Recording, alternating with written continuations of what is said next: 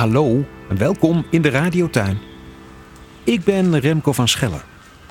Erik vertelt zo dadelijk over een topboom die juist nu heel nuttig is.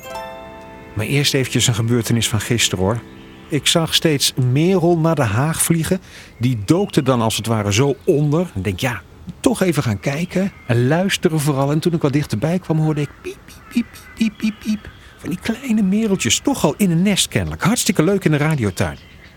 Zag ik even later de kat van de buren bovenop die haag. Met zijn pootje daar in dat groen.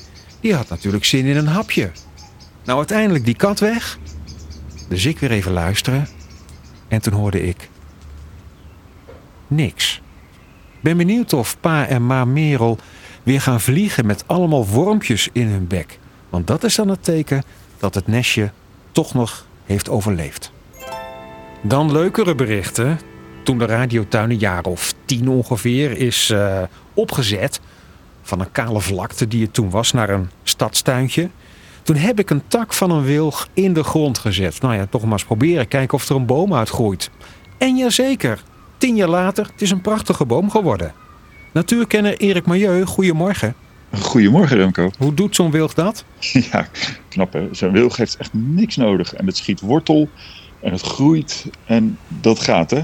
Ja. De schietwilg noemen ze die knotwilgen ook wel. Eh, dat zijn dus wilgen met langwerpige bladeren. Oké, Dus ja, want zijn er eigenlijk over- veel meer wilgen nog? Ik ken alleen maar de knotwilg. Ja, typisch hè. Maar er zijn er zoveel meer. En we leven tussen allerlei verschillende soorten wilgen in.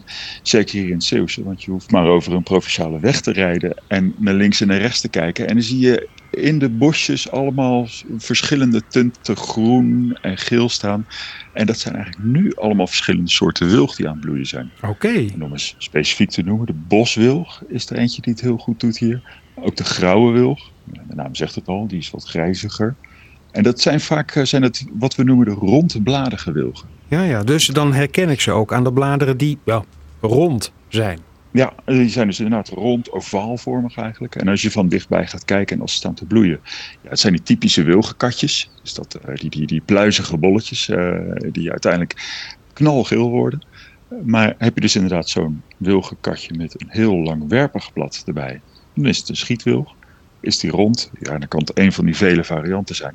Boswilg, grauwe wilg, geoorde wilg, amandelwilg. Nou, ga maar door. Er zijn er eigenlijk tientallen soorten van. Maar doen die het dan ook goed in de tuin bijvoorbeeld? Hè? Wat ik, ik, ik heb dan zo'n knotwilg ooit een keertje in de tuin gezet. Hartstikke leuk.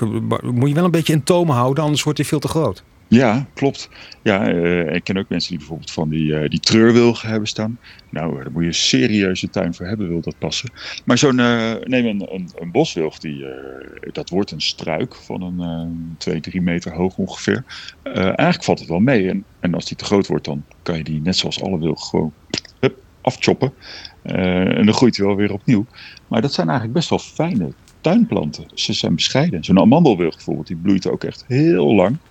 Dus daar heb je natuurlijk heel veel plezier aan allerlei insecten die daar natuurlijk over rond gaan vliegen. Ja, want we kijken hè, in onze babbels over de radiotuin toch ook heel vaak even naar de insecten. Als ik nou een wilg heb, en welke soort het dan ook is, misschien maakt dat niet uit, weet ik niet. Maar hebben insecten er ook wat aan? Oh, wilgen zijn echt zo ongeveer de belangrijkste soort planten Oh ja. die, wij, eh, die we hebben in Nederland. Ja, het is eh, het, het goud.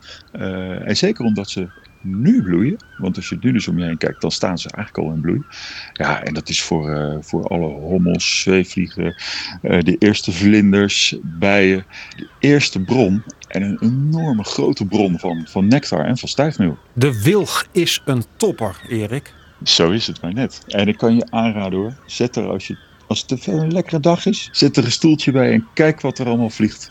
Je fascineert je. Mooi. Hey, dankjewel Erik. Goeie tip. Stoeltje naar de wilg kijken op een mooie dag. Dan zie je een soort eh, show aan je voorbij trekken. Gewoon in de natuur. Daar bij jou thuis of in het parkje of in het gemeenteperkje waar zo'n wilg staat. Ga er vooral even kijken. Hey Erik, dankjewel weer. Heel graag gedaan. Tot volgende week weer. Veerkrachtige natuur.